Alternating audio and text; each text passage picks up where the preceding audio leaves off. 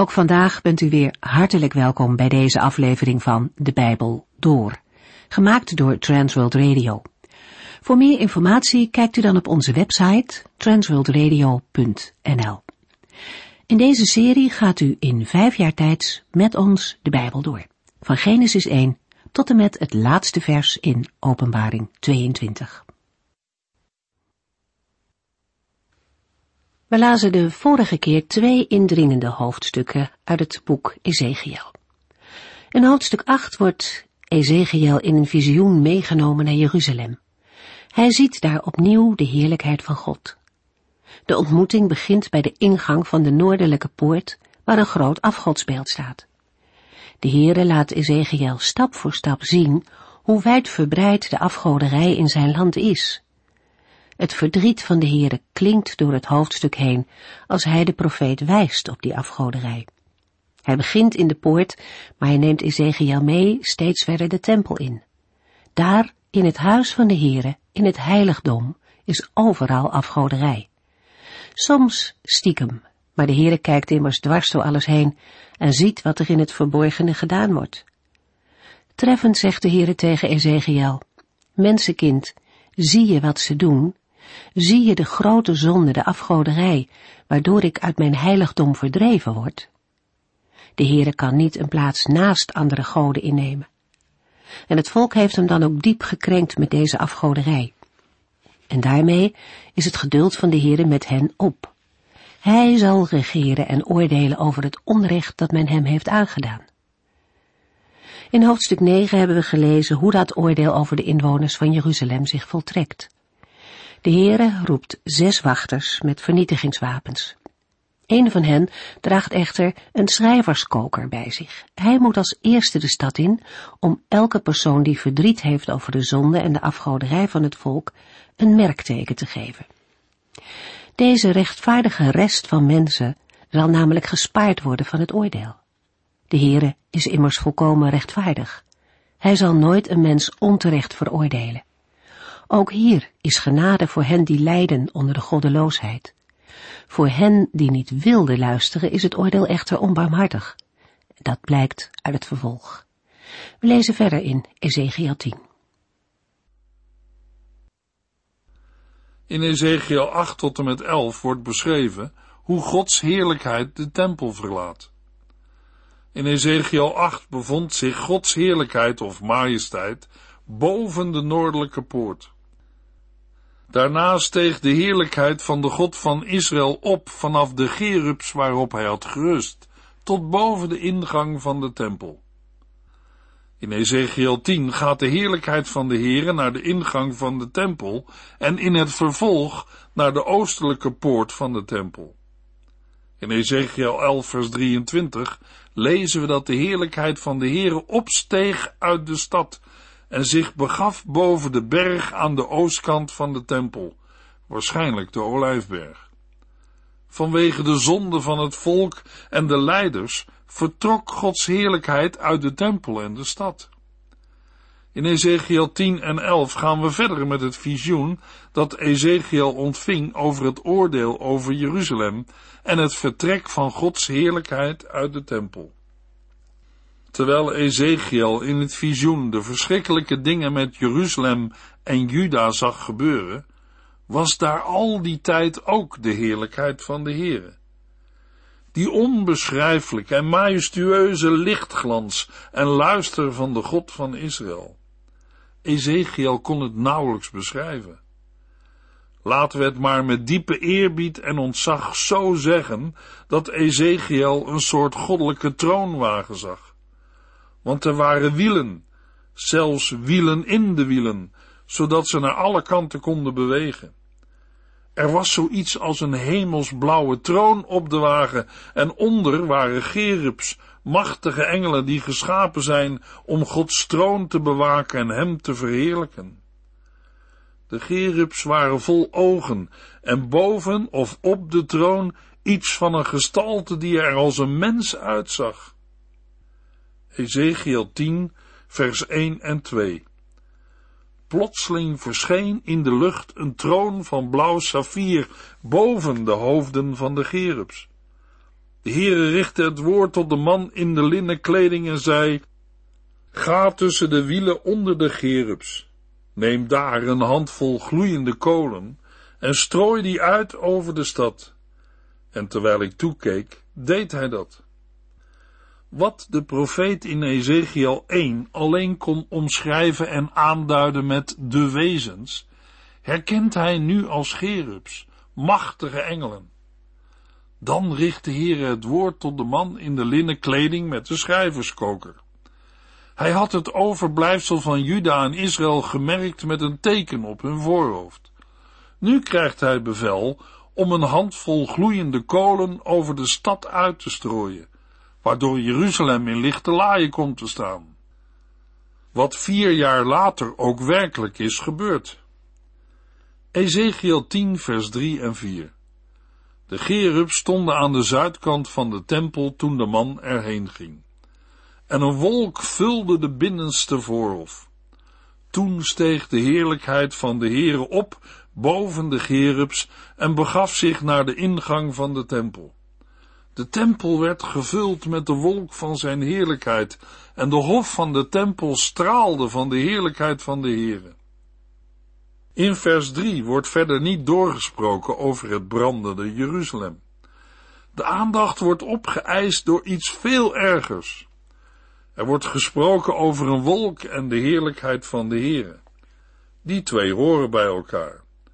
We lezen het ook in de geschiedenis van Mozes en Salomo, toen de Heere de tabernakel en later de tempel als woning betrok. Toen betekende het dat de Heere naar de plaats kwam die hij had verkozen als zijn huis. Maar in Ezekiel 10 maakt de Heere kennelijk aanstalten dit huis te verlaten. De tempel, de plaats waar hij eeuwen onder zijn volk heeft gewoond. Maar onder zo'n volk als het nu was geworden, kon en wilde de Heere niet langer wonen. Nog één keer, voor de Heere de tempel gaat verlaten, laat God op indrukwekkende wijze zien dat de tempel zijn huis is. In Romeinen 9 hoort de tempel en het zien van de heerlijkheid van de Heere ook tot Gods verkiezing van die bijzondere plaats van Israël in Gods heilsplan. Ezekiel zag het ontzettende en ongelooflijke gebeuren. De heerlijkheid van de Heere, die bij Mozes en Salomo was neergedaald, steeg nu op en ging bij het tempelhuis vandaan. De hele voorhof straalde van de heerlijkheid van de Heere. En, Ezekiel 10 vers 5, het geluid van de vleugels van de gerubs leek op de stem van de Almachtige God als hij spreekt en kon in de buitenste hof duidelijk worden gehoord. Ezekiel 10 vers 6 tot en met 8 Toen de Heere de man in linnen kleding opdroeg zich tussen de gerubs te begeven en enkele gloeiende kolen tussen de wielen weg te pakken, ging de man erheen en bleef naast een van de wielen staan.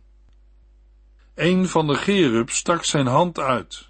Iedere gerub had onder zijn vleugels iets dat leek op menselijke handen. Pakte enkele kolen uit het vuur tussen hen in en legde ze in de handen van de man in de linnen kleding. Hij pakte ze aan en ging weg. Na de beschrijving van het verlaten van de tempel door de Here, volgt een beschrijving van de uitvoering van de opdracht die de man in linnen kleding van de Here had ontvangen. Stellig heeft de man gewacht tot de heerlijkheid van de Heere de tempel had verlaten. Daar komt nog bij dat Ezekiel van de uitvoering geen getuige meer kon zijn, omdat hij volgens Ezekiel 11 vers 24 direct nadat de heerlijkheid van de Heer uit de stad was opgestegen en zich boven de berg aan de oostkant begaf, door de geest van God werd teruggebracht naar Babel, naar de Joden die daar in ballingschap waren. In elk geval is Ezekiel in de eerste plaats geboeid door de verschijning van de heerlijkheid van de Heere en de geweldige troonwagen met de gerubs. In Ezekiel 10 vers 9 tot en met 17 lezen we bijna dezelfde beschrijving die we ook in Ezekiel 1 hebben gelezen. Eerst zag hij een grote fonkelende wolk met een glanzende rand, zeg het onderstel van de troonwagen. In die wolk zag Ezekiel iets dat blonk als goud. In die vuurgloed zag hij vier gerubs, machtige engelen. Ze hadden elk vier gezichten en vier vleugels. Toen hij de gerubs goed bekeek, zag hij naast iedere gerub een wiel, schitterend als turkoois. Ook zag hij in elk wiel nog een tweede wiel, dat haaks op het eerste stond, zodat de gerub zonder zich om te draaien alle windrichtingen op konden. Toen Ezekiel hoger keek, naar het middenstuk, zag hij dat de gerubs twee van hun vier vleugels omhoog hielden. Boven die vleugels zag hij iets als een strakke hemel, een uitspansel, onbeschrijfelijk mooi. Als de gerubs stilstonden, lieten zij hun vleugels hangen, maar zodra ze in beweging kwamen, maakten hun vleugels geluid als van een donderende waterval of als het gedreun van een leger. Elk van de gerubs had vier gezichten. Als Ezekiel nog hoger kijkt, ziet hij iets dat eruit ziet als een troon, en op die troon zag hij een gestalte die eruit zag als een mens.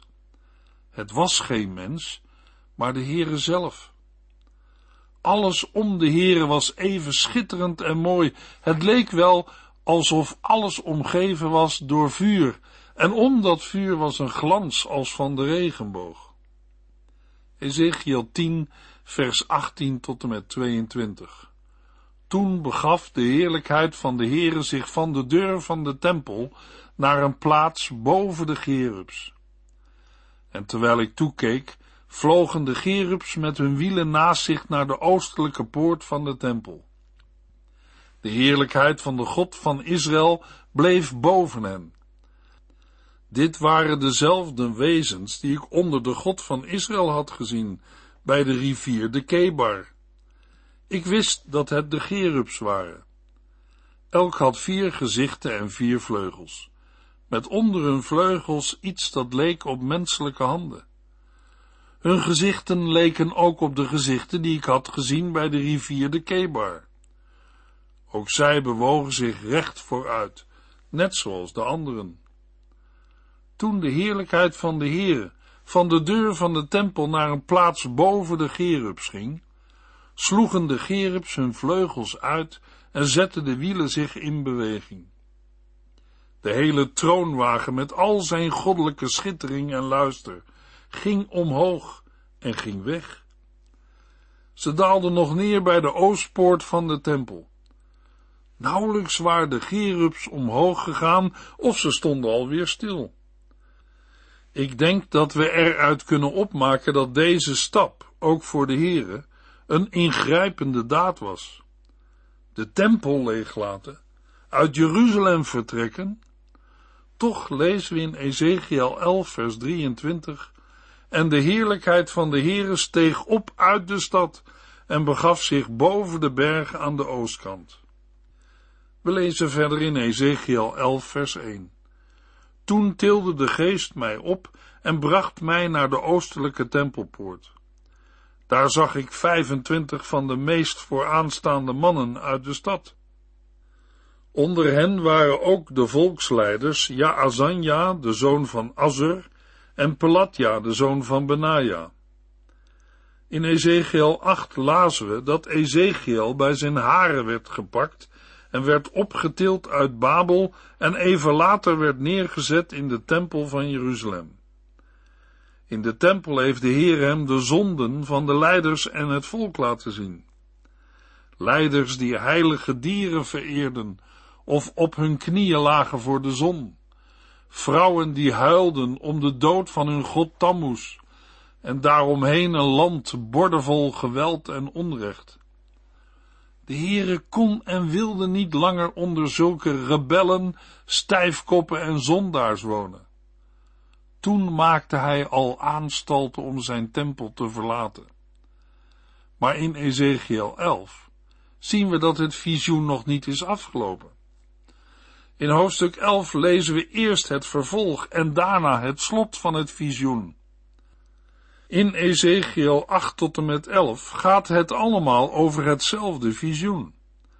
De Heere heeft Ezekiel ook laten zien dat er in het verdorven Jeruzalem onderscheid gemaakt moet worden tussen schuldigen en hoofdschuldigen, mannen die voortdurend onheil stichten.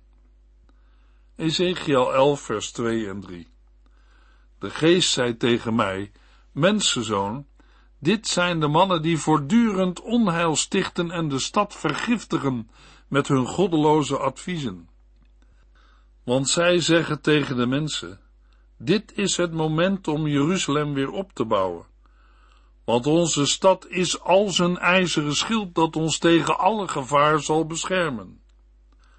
De Heer had zijn tempel en huis verlaten, en zijn heerlijkheid en luister bevond zich boven de berg aan de oostkant van de stad. Daarmee stond het definitieve oordeel voor de Israëlieten vast en was de straf volkomen. In vers 1 lazen we dat Ezekiel in het visioen door de geest van God naar de oostelijke tempelpoort werd gebracht. De poort is de plaats waar de mensen meestal bijeenkwamen. Dat gold ook voor de tempelpoort. Het was de plek waar kooplieden, politici, rechters en andere leiders hun zaken deden.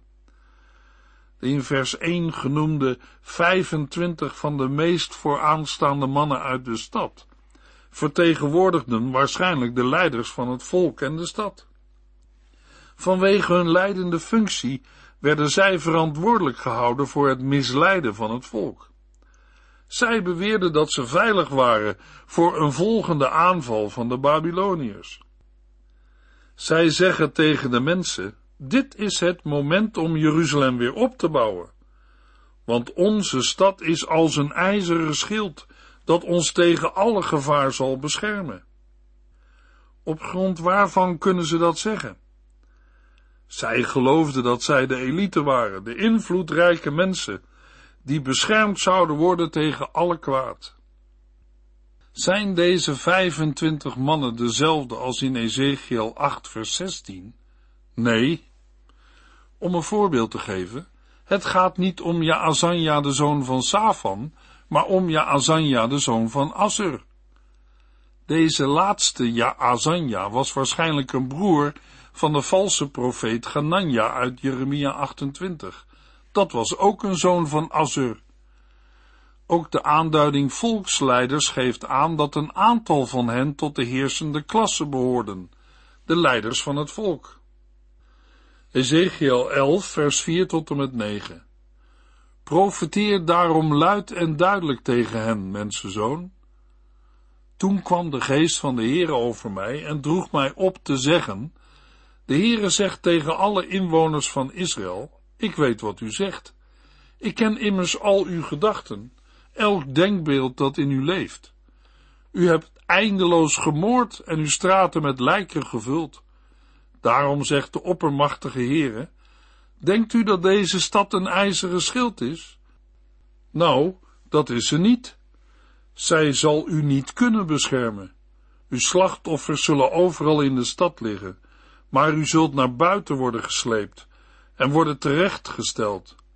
Ik zal u blootstellen aan de oorlog die u zo lang hebt gevreesd, zegt de oppermachtige Heere. Ik zal u uit Jeruzalem weghalen en overleveren aan buitenlanders die mijn vonnis over u zullen voltrekken. De Heere heeft niet alleen de goddeloze taal van de 25 mannen gehoord, maar hij kent ook hun diepste gedachten en de verborgen overleggingen van hun hart. De woorden u hebt eindeloos gemoord en uw straten met lijken gevuld, grijpen terug naar zaken die eerder naar voren zijn gebracht. In Ezekiel 7 vers 23 lazen we want overal in het land worden bloedbaden aangericht. Jeruzalem is vol geweld. En in Ezekiel 9 vers 9 zegt de Heere, de zonden van de inwoners van Israël en Juda zijn onmetelijk groot. Het hele land is vol moord en overal wordt het recht verkracht. In Ezekiel 22 vers 6 lezen we, Iedere leider van Israël die binnen uw muren woont, maakt misbruik van zijn macht om te kunnen moorden. De Heere weet alles van de Israëlieten, ook de verborgen gedachten. Luisteraar, de Heere weet ook alles van ons. Zelfs de zonde die wij proberen te verbergen of goed te praten. Van nature maken wij mensen ons meer zorgen om wat de mensen van ons uiterlijk of ons gedrag zeggen, dan dat we ons afvragen wat de Heere van ons vindt. Maar voor de Heere God kunnen wij niets verbergen. Verborgen zonden zijn nooit verborgen voor de Heere. De enige juiste manier om met zonde om te gaan, is die te beleiden en de Heere te vragen onze zonden te vergeven en ons er overheen te helpen. Ezekiel moet Gods boodschap doorgeven. Daarom zegt de oppermachtige Heere, denkt u dat deze stad een ijzeren schild is? Nou, dat is ze niet. Zij zal u niet kunnen beschermen. Met snijdende ironie antwoordt de Heere op de spot van hen die het woord van zijn profeten verachten en verdraaien. Jeruzalem is geen ijzeren schild. De stad kan hen niet beschermen. De woorden, ik zal u blootstellen aan de oorlog die u zo lang hebt gevreesd, maken duidelijk dat de leiders van het volk zelf al niet zo zeker zijn van de bescherming die de stad biedt. De Heere, die de harten van alle mensen kent, weet dat ze al lange tijd bang zijn voor een oorlog en belegering. Met hun grootsprekende woorden misleiden zij de koning en het volk. Ezekiel 11, vers 10 tot en met 12. Overal in het land Israël zult u door het zwaard worden gedood. Nee, deze stad zal geen ijzeren schild voor u zijn waarachter u veilig bent. Ik zal u tot aan de grenzen van Israël achtervolgen, en u zult weten dat ik de Heere ben, u die mij niet hebt gehoorzaamd, maar liever het voorbeeld van de volken rondom u volgde. Al sinds hun aankomst in het beloofde land werden de Israëlieten gewaarschuwd niet de gebruiken en godsdienstige praktijken van andere volken over te nemen. Ongehoorzaamheid aan dit gebod en het volgen van heidense gebruiken in plaats van Gods wetten heeft hen altijd in problemen en moeilijkheden gebracht. Ook vandaag is er de verleiding ons aan te passen aan de wereld. Maar een gelovige moet voor de normen van goed en kwaad bij de Here te raden gaan, niet bij wat mensen ervan denken en vinden. Ezekiel 11 vers 13 Terwijl ik nog bezig was hun dit alles te vertellen, stierf Pelatja, de zoon van Benaja, plotseling. Ik liet mij met mijn gezicht naar beneden op de grond vallen en riep, Och, Heere God, wilt u ieder die nog over is in Israël gaan doden? Met de plotselinge dood van Pelatja, waar ons verder niets over bekend is, onderstreept de Heere op indrukwekkende wijze het woord van de profeet Ezekiel. In het plotselinge overlijden van deze man maakt de Heere het lot dat allen zal treffen duidelijk en zichtbaar. De woorden die de profeet moet verkondigen en de plotselinge dood van Pelatja hakken er diep bij Ezekiel in. We lazen eenzelfde reactie in Ezekiel 9 vers 8. Weer treedt hij met een heftige reactie op als voorbidder voor zijn volk. Daarbij vinden we ook een al eerder genoemde gedachtegang bij Ezekiel. Hij zoekt het overblijfsel van Israël alleen in Juda en Jeruzalem en houdt geen rekening met de weggevoerde ballingen. Hij denkt, als Juda en Jeruzalem vernietigd worden, betekent dit het einde van Israël. Ezekiel 11, vers 14 tot en met 21. Opnieuw kwam er een boodschap van de Heere. Mensenzoon, het restant van het volk dat in Jeruzalem is achtergebleven, zegt over uw medeballingen, de Heere heeft hen vanwege hun goddeloosheid gestraft en verbannen. En nu heeft hij ons hun land gegeven. Maar vertel de ballingen dat de oppermachtige Heere zegt, ook al heb ik u verspreid over alle landen van de wereld, toch zal ik een heiligdom voor u zijn gedurende uw verblijf in die landen. Ik zal u weer verzamelen uit de landen waarover u bent verspreid, en u het land Israël teruggeven. En als u vandaar bent teruggekeerd, zult u elk spoor van de afgodenverering verwijderen. Ik zal u een ander hart geven en een nieuwe geest. Uw harten van steen zal ik vervangen door tedere harten van liefde, zodat u mijn wetten zult gehoorzamen en mijn volk zult zijn, en dan zal ik ook uw God zijn. Maar wat betreft degenen die in Jeruzalem zijn achtergebleven en met hart en ziel hun afgoden dienen, hun zal ik al hun zonden betaald zetten, zegt de oppermachtige Heere. De Heere maakt duidelijk dat in tegenstelling met wat er in het algemeen werd gedacht, dat de Israëlieten in ballingschap trouw zijn gebleven en dat degenen in Jeruzalem de zondige en slechte mensen zijn. Een uiterlijke situatie kan bedriegen en een gerustheid geven die onterecht is. Het is een hele troost dat de Heere het hart aanziet en weet wat er in een mens omgaat. We lezen in dit gedeelte ook prachtige beloften voor Israël. De Heere doet wat hij belooft. Ezekiel 11 vers 22 tot en met 25. Toen sloegen de gerubs hun vleugels uit en stegen op in de lucht met hun wielen naast zich. De heerlijkheid van de God van Israël bevond zich boven hen. En de heerlijkheid van de Heere steeg op uit de stad en begaf zich boven de berg aan de oostkant. Daarna bracht de geest van God mij terug naar Babel, naar de Joden die daar in ballingschap waren. En zo eindigde mijn visioen, waarin ik Jeruzalem bezocht. Ik vertelde de ballingen alles wat de Heere mij in dit visioen had laten zien. Als wachter over Israël deelt Ezekiel alles mee wat de Heere had geopenbaard. In de volgende uitzending lezen we Ezekiel 12 en 13.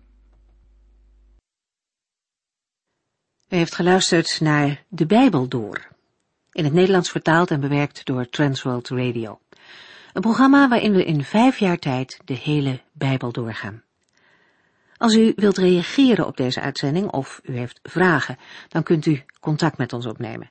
Tijdens kantooruren kunt u bellen op 0342 47 8432. 0342 47 8432. Ook kunt u een e-mail sturen naar de en natuurlijk kunt u ook via de post ons bereiken. TWR, postbus 371, postcode 3770, AJ in Barneveld. Dit programma werd gepresenteerd door Cor Weda en Ike André. Techniek was in handen van Odin van Voerkom. En wij allemaal bedanken u voor het luisteren. Graag tot de volgende keer.